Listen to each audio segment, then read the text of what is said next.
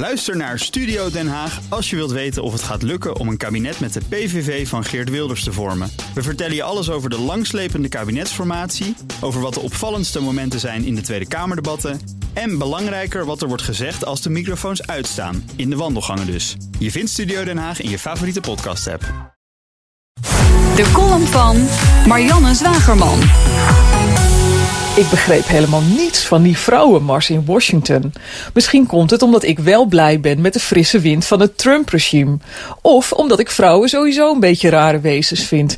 Ik snap nooit waarom mijn soortgenootjes zo gretig in de slachtofferrol kruipen. In een van de meest vrije landen ter wereld, waar elke vrouw op dat grote veld de kans heeft om zelf president te worden, demonstreren voor gelijke rechten. Maar welke dan? Alle rechten zijn al lang gelijk getrokken.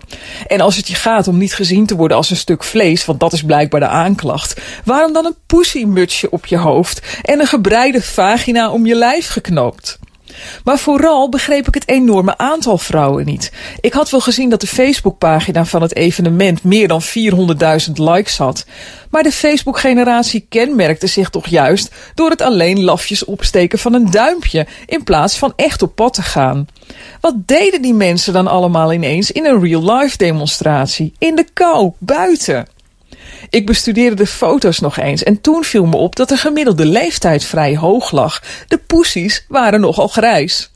Eigenlijk net als op Facebook tegenwoordig. Steeds pregnanter stijgt er zo'n verpleeghuisluchtje op. Als je op die blauwe app met de witte F klikt. Zo'n vage pisgeur. De geur van geweest. Steeds vaker struikel je er over zwart-wit foto's van hoe het vroeger was in het dorp. Langs het tuinpad van mijn vader. Waarheen leidt de weg? Mijn weg leidt daardoor al een tijdje weg van Facebook. Ik kom er al steeds minder vaak en graag. Gisteren werden de jaarlijkse social media cijfers gepubliceerd en daarin vond ik de definitieve bevestiging. Maar liefst 61% van de 80-plussers zit op Facebook. Van de 80-plussers. De dolle Mina werd via Facebook uit een lange winterslaap gewekt om onder leiding van de strak getrokken maar overjarige zangeres Madonna in een laatste stuiptrekking nog één keer te demonstreren voor rechten die al lang geregeld zijn. Ik vestig mijn hoop op de eerste vrouwelijke Snapchat-president. En dat zijn Marianne Zwagerman in haar column. En die kunt u terugluisteren op bnr.nl en de BNR. Ook Harm Edens vind je in de BNR-app. Je kunt BNR Duurzaam niet alleen live luisteren in de app, maar ook terugluisteren als podcast, zoals al onze podcasts.